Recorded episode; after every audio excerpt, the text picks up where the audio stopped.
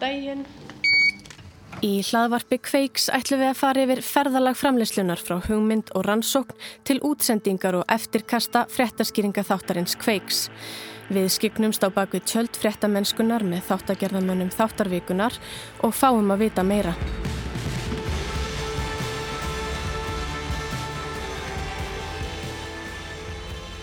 Lára Freyr, eigið þið ykkur eitthvað svona uppáhalds stað að vera á í húsinu? Hvar vil ég vera? Þið kannski eitthvað svona eitthvað leynistað? Til þess að gera hvað?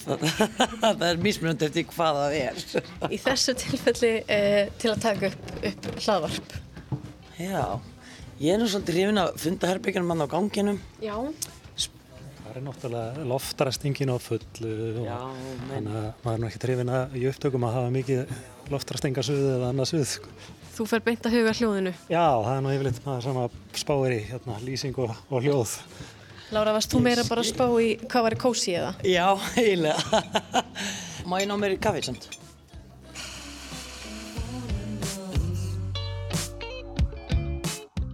Í janúari fyrra gekk Málfríður Þórðardóttir ljósmóðir og fyrrum starfsmæður sjúkrahúsins á Akureyri, hraust kona á 50-saldri, inn á sjúkrahús til að undirgangast einfalda aðgerð við kvilla sem hafði hrjáðana lengi. Þann dag breytist lífinar til frambúðar.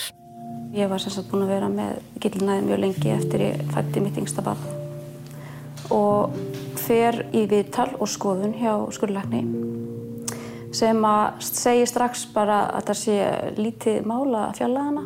Ég segi þeim því ég kem, ég veist, erfitt að koma hérna, mér finnst mjög erfitt að vera að fara þess aðgerð og, og bara svona sægði þeim það hreinlega að ég væri ekki nógu vel upplöð. Og svo bara er mér rúlega inn á skurðstofu. Nú er hún með fulla örorku. Hún segir mörg mistök hafa verið gerð þennan dag og ítrekkað eftir það. Meðal annars hafi skort upplýsingar fyrir aðgerð. Hún hafi ekki verið beðin um leifi fyrir því að nemi var í viðstætur aðgerðina. Þá hafi henni verið gefið slæfandi liv sem hvergi var skráð og skurleiknir hafi gert mistök í aðgerðinni. Hún segir að sjúkrahúsið á Akureyri hafi brúðist henni algjörlega og enginn standi vörð um réttindi sjúklinga á landsbyðinni. Mál Málfríðar er nú til umfjöllunar hjá landleikni og síðanemd læknafélagsins. Síðasta ár fór í, í hjá mér í, í rauninni bara í verki og mikla vanlíðan og já, ég held ég verið bara að segja það uppátt. Ég var bara með hægðarleika. Bara, ég þurfti bara að ganga með bleiðu.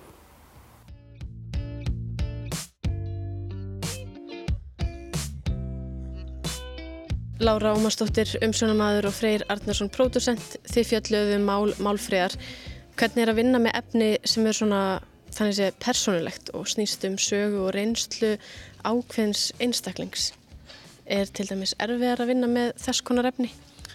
Uh, ég veit ekki hvort það beint erfið er að maður náttúrulega reynir bara að sína öllu sem maður snertir á tillýðilega virðingu og maður reynir bara að koma öllu rétt og vel til skila en þetta uh, svo sem þeirra eru mjög erfið mál það, jú, e, e, svona viðkvæm og eins og þetta nú kannski er þá hérna, e, tekur kannski aðeins meira á. Megi munur líka kannski því að ef þú ert að tala við fólk sem er kannski ekki vant að koma fram í fjölmjölum eða er að opna sig svona sitt persónulega líf og svo því að vera að tala við ykkur stjórnundur fyrirtækja eða stjórnmálumenn er þetta einmitt, maður þarf að sína nærgetni og maður þarf að taka tillit meira.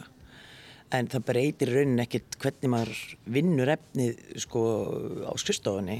Maður fer alveg jafn vel ofan í málinn og kannar alveg jafn vel og fær gögnin sem þarf og það er aðalega kannski bara þetta að maður sýnir því ákveðin skilning og tillitsemi að fólk sé ekki veist, vant að koma fram og það sé hugsanlega óörugt. Það getur verið það, það var vísu ekki þessu tilfelli og er kannski viðbúnar því að fá fleiri símtölu eða fleiri spurningar frá viðmalandanum.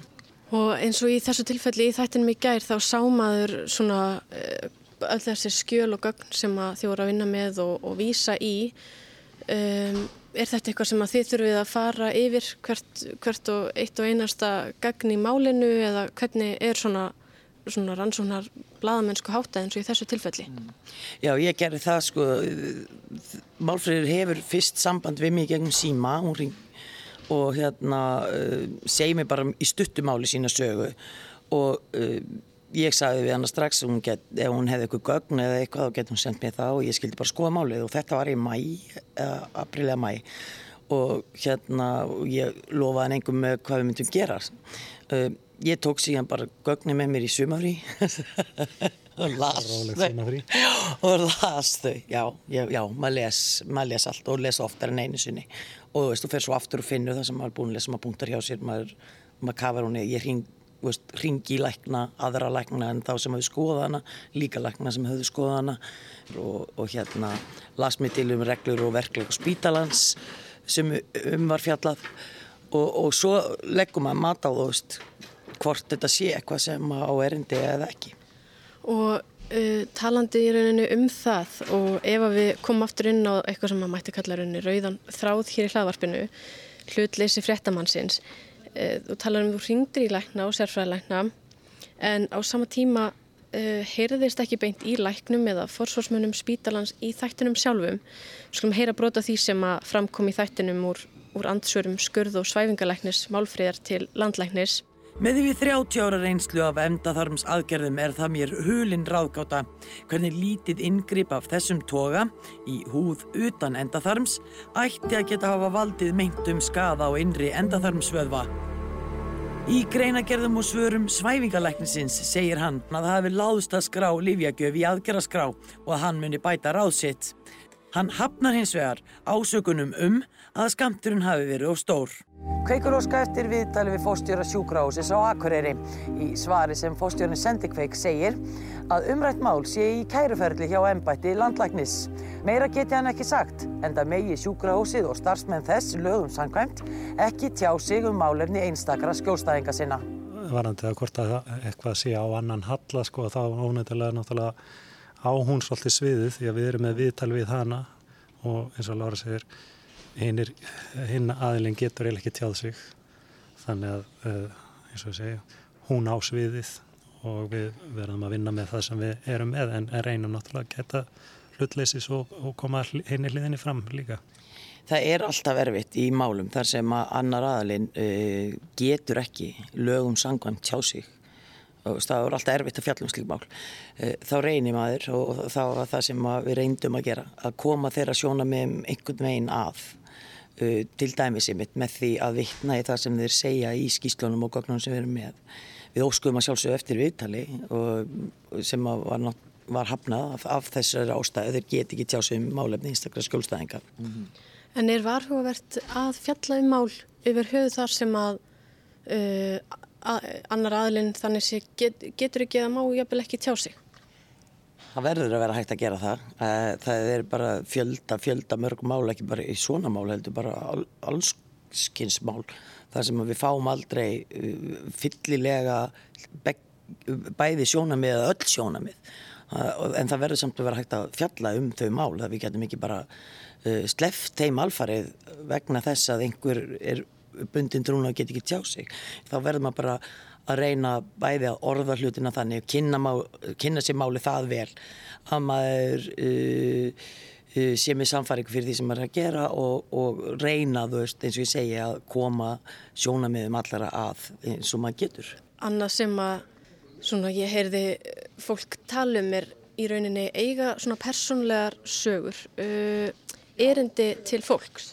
Já, ég til þær gera það vegna þess að við verðum líka veita heilbyrjastarfsfólki einhvern veginn aðhald og við getum ekki gert það nema að segja ykkur sögur eða taka ykkur dæmi eða, eða kafa ofan í það. Það er miklu erfiðar að, að, að hérna, fá þeirra hlið og fá þá til þess að tjási um það og, og opna sig um sín um, hugsanlega mistök. Það væri óskandi, það væri hægt að uh, gera umfjöldin með læknum þar sem þeir myndi bara sittast með mann niður og og lýsa því hvernig hérna er til dæmis að hafa, hafa bara gert místök í aðgerð, af því eru, þau eru gerð og við vitum það og þeir eru mannlegir og þeir eru líka með fjölskyldur og, veist, og það er fólk þarna bakvið og allt gott og gilt fólk sem gengur gott eitt til. Þetta gerist allstæðar einhver místök og allstæðar ekkert bara spítilum en líka bara í svona alls konar stjórnsýslu. Og fjölmjölir er til þess að veita stjórnsýslu aðhald meðal annars og stundum er ekki hægt að gera það nema með persónulegum sögum. Það hjálpar mjög mikið til við að segja, hérna, segja frá einhverjum atvikum eða því sem er að gerast með því að setja andlit á það. Þá tengir fólk betur við þetta og, nær, nær, nærum betri samsörum við það sem er verið að fjalla um. Eða er raunveru sérsta, það er raunveruleg manneski á bakvið þetta.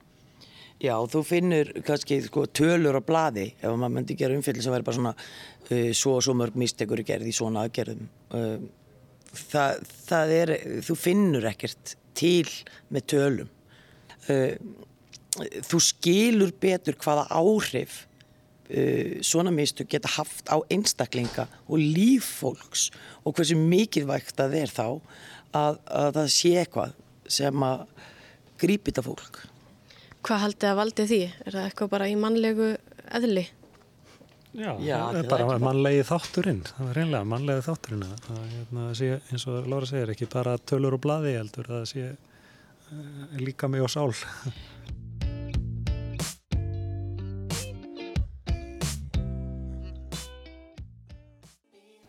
Já, um, þið sínduð líka í þættinu myndir af endaþarms aðgerðum vegna gillinaðar sem kannski gæti hafa farið fyrir brjóstið á sömum. Voru þið alveg viss með að sína slíkar myndir? Nei, það, er alltaf, já sko það er alltaf eigið og metið sko hvað, hvað það hæfir en þetta er náttúrulega, þetta er það sem við erum að fjalla um þannig að það er alveg eðlilegt að, að hérna, sína það sem að um er rætt. Já og við svona pössum nú að hafa þær ekki alveg þannig að það fyllt út í skjáin hjá fólki að því að þetta er einhverju viðkvæmir fyrir svona myndum en maður getur ekki fjallað um hluti að maður þurfa ekki að sína á sko. Já, ef þú ert að tala um myndbyrtingar að, að þá mm, gerist bara oft og yðurlega þar sem það er bara rætt fram og tilbaka þannig til maður kemst að einhvers konar vítarætni niðurstöðu, veist, það hefði verið hægt að sína verri myndir heldur en það er sem við síndum til dæmis. Þannig að það hefði verið að sleppa þeim þannig að það er allir gangar á þessu. En þegar maður fjallar um erfi máls og, og, og, og þá sko heimurinn er ekkit bara blóm og rósi sko og stundu þarf maður bara að sína fólki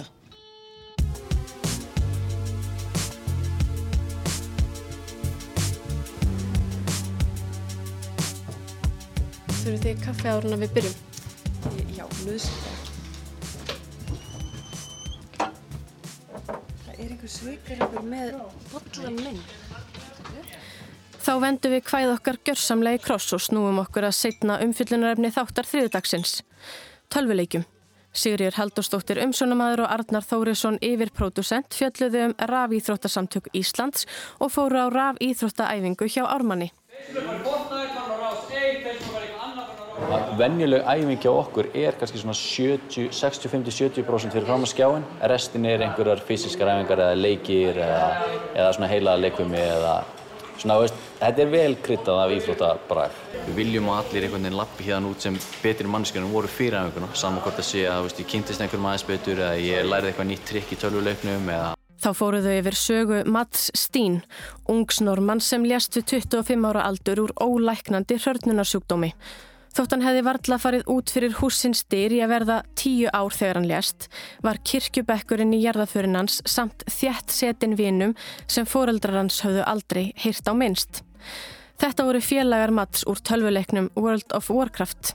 Fólk hérðan og þaðan úr heiminum sem hann hafði spjalla við árum saman og lítu á hann sem náinn vinn.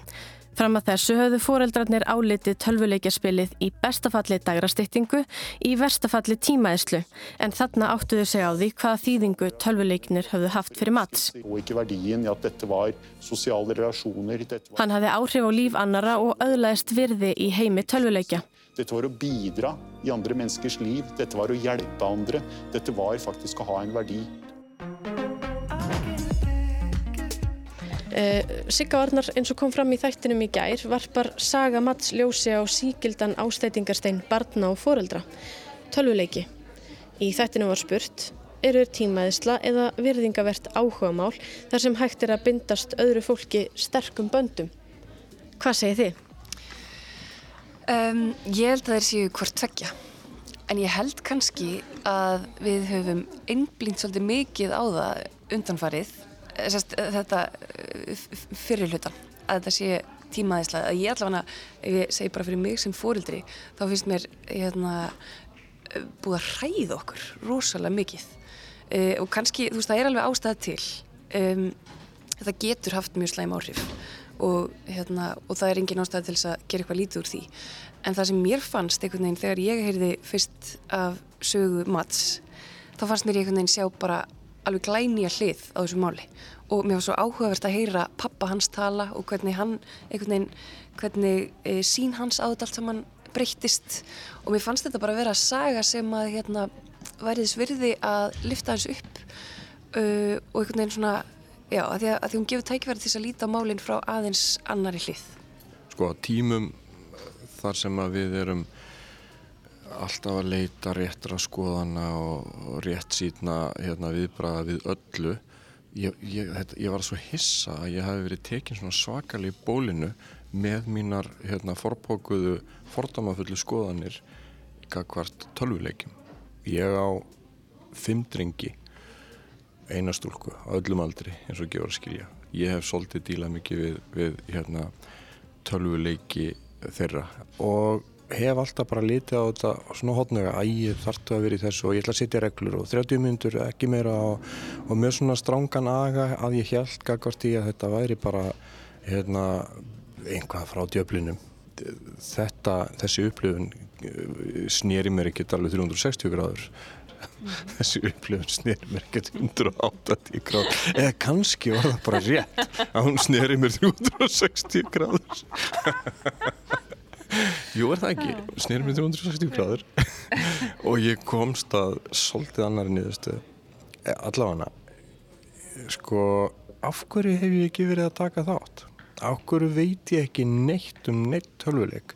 Af hverju hef ég ekki, af því að nú er predikaða, ef þú ætlar að horfa á sjónvarp eða börnin að horfa á sjónvarp eða einhvað sjónvarsefni, sittu með þeim ræðið fyrir og eftir. Og þetta ger maður allt einhver, einhver hluta vegna er tölvuleikir bara í heilanmámanni algjörlega undanskili þessum reglum þarna, mér líður bara svolítið eins og ég sé með aðsnaðiru gagvart þessu eftir þessa upplifun. Fleiri fóreldrar og fagæðilar sem þið rættu við virtust vera á sama máli. Þetta er eitthvað sem maður þekkir ekki. Ég er ekki þarna í þessum töluleikjum. Þannig að maður veit ekki út á hvað það gengur eða þetta er bara tímaþjóður hefur, höfum við heima svona haft upplifun hinga til. Ef þú tegur dæmið, þú átt þrjá krakka, einn er á skýðum, einn er í fókbólta og einn er í töluleikjum. Þú ferð á völlin og þú rennir þér en þú spilar enga töluleiki eða sinnir því aldrei þessu áfámáli eða spjallar um það við krakkaðinn hvað er líklegast að verði vandamál og auðvitað töluleikinnir, skilur við. Þannig að ábyrgin er bara, sorry, ég ætla bara að íta yfir til ykkar foreldrar, skilur við, að þið þurfa að sína þessu og virða þetta sem áhugamál krakkan ykkar. Uh, ég har en datter, hun heter Mia, hun spiller håndball. Jeg har vært rundt i håndballhaller í, på Østlandet Hér segir fadir Mats frá því að hann eigi dóttur sem spili handbólta og hafi setið í mörg ár í köldum sal snemmamorguns að fylgjast með leikjum og taka þátt í lífennar. Það hafi þau foreldra Mats ekki gert í tengslum við hann stafræna tölvuleikja heim. Hann vildi óska þess að hann hefði gert það, búið sér til hliðar sjálf og spila með sinni sínum, hitt vini hans og tengst þeim og þannig vita af þeim áður en þeir byrtust í jarðaförinni. Mats eller Ibelin inn i Azeroth og møtt vennene, da tror jeg at jeg ville hatt en relasjon til de også før de dukket opp i biservisen. Hafði saga hans áhrif á ykkur persónlega? Já, algjörlega. Að því leiti að, að hún opnaði augum minn fyrir því að gæta kannski að tölvunótkun minna í einn barna. Allavega sko öðruvísi heldur en ég hef verið að gera að setja mörg og, og vera, reyna að vera þú veist hérna, neð, þetta gengur ekki. En, en, en alltaf með þeim tóna þetta sé sko einhvað slæmt sem þau eru að gera en ok því fáið 30 myndir af því og búið. Og, en, en núna ætla ég að reyna að læra á tölvuleiki með þeim og gera þetta gæðastund. Ég held bara að börnum þykir gott þegar fóreldra sína þeim og áhugamálum þeirra áhuga og ég held að það gildi bara sama um þetta og, og allt annað. Já, ég samála. Ég held að sko einmitt að, að taka þátt í þessu áhugamáli eins og öðrum áhugamálum síni börnum líka að, að það sé samveran og samveru stundir sem að skipti meira máli heldur en hitt og það ég vil drægi þá hérna úr tölvunotkun þannig að það verði bara gott að vera smá með mömmu eða pappa uh, og, og það sé líklæra til þess að berjast gegn þessu ef við teljum þetta einhverja vá uh, sem að ég er, er ekkert vissum að þetta sé frekar en áfengi eða, eða annað sem að sko er þetta að hafa gott og gagn og gaman af en líka þetta misnóta rabarlega. En hafið þið áhugir á því að umfjöllunin hafi verið og jákvæð? Uh, getur þetta ekki verið mjög slæmt? Ég hef yngar áhugir á því að umfjöllunin hafi verið of jákvæð vegna þess að uh, við gættum þess bara að það væri, væru rattir úr báðum áttum. Við vissum við værim að fara að segja þessa sögu sem að væri þarna um Mats og hún byrti svona frekar jákvæða mynda tölvuleikum en þess vegna tölum við líka við e, sálfræðing sem hefur sérhæft sig í því að hjálpa fólki sem hefur lendt í vandræði með þetta. Til þess að hann geti dreyið fram já en þetta er jákvægt, já en e, svo er fólk sem að hérna, lendir í vandræði með þetta. Og það er náttúrulega bara mjög mikilvægt að, að þegar maður fjallar um mála að, að maður dræði ekki bara upp mjög einhæfa mynd. Þannig að ég hef engar ágjör að því. Og eins og talar um og eins og er kannski talað um í samfélaginu þá uh, eiga börn meira og meira og fólk meira og meira í samskiptum í gegnum netin. Og maður séð að þau emitt spila tölvuleiki kannski hver, hvert í sínu hodni en saman. Haldið þetta séu líka bara önnur svona félagslega tengsl sem að þau eru að mynda eða eiga í heldur en við erum, erum vön. Ég held það og ég held að við þurfum að passa okkur að þetta ekki í eh, það að vera bara einhvern veginn fussandi og sveigandi að því að tímannir breytast og e, samskipti hafa breyst. Um leiðu ég segja þetta, þá hérna langar mér samt, veist, að, að vitna í það sem að sálfræðingurinn sagði að, veist, já, þessi samskipti eru góðu gild, en þau eru bara ekki nóg. Þannig að ég held að við megum ekki fyrst og sveia yfir þessari samskipta leið, en bara vera vakandi fyrir því að það þarf líka að eiga vinni í raunheimu. Róbert Stein Pappimats vísaði í orð vinarssona síns sem sagði í jarðaförans að þegar maður verði svona miklum tíma saman á netinu þá hætti hlutir á borðu aldur, húðlit, föllun, menningarlega bakgrunn og þess að það er að skipta máli allt sem að mengi sambönd þegar fólk hittist í líkamlegum skilningi hverfi. When you spend so much time together online, you take away everything that has to do with age because you don't see age online. You take away the color of your skin because you don't see color of skin online. You take away your cultural background, you take away handicap, you take away all the things that pollute relationships when we meet physically.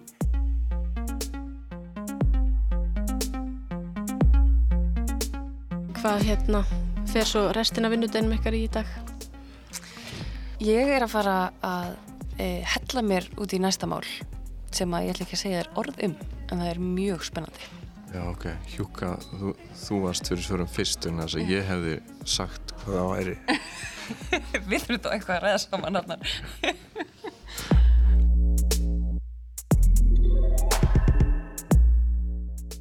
Að vikuliðinni verður næsti þriðudagsþáttur kveiks til umfjöllunar í hlaðvarpinu og þátt að gerða menn til viðræna um hann. Hlaðvarpi er að finna í öllum helstu hlaðvarpsöppum og í appi og á vef rúf. Ég minni á hashtag eða millumerkið kveikur á Twitter fyrir þá sem vilja taka virkan þátt í umræðinni. Katrin Ásmundsdóttir hefur umsón með þættinum, Rakel Þorbergsdóttir rittstýrði, tæknimaður var Mark Richard Eldredd.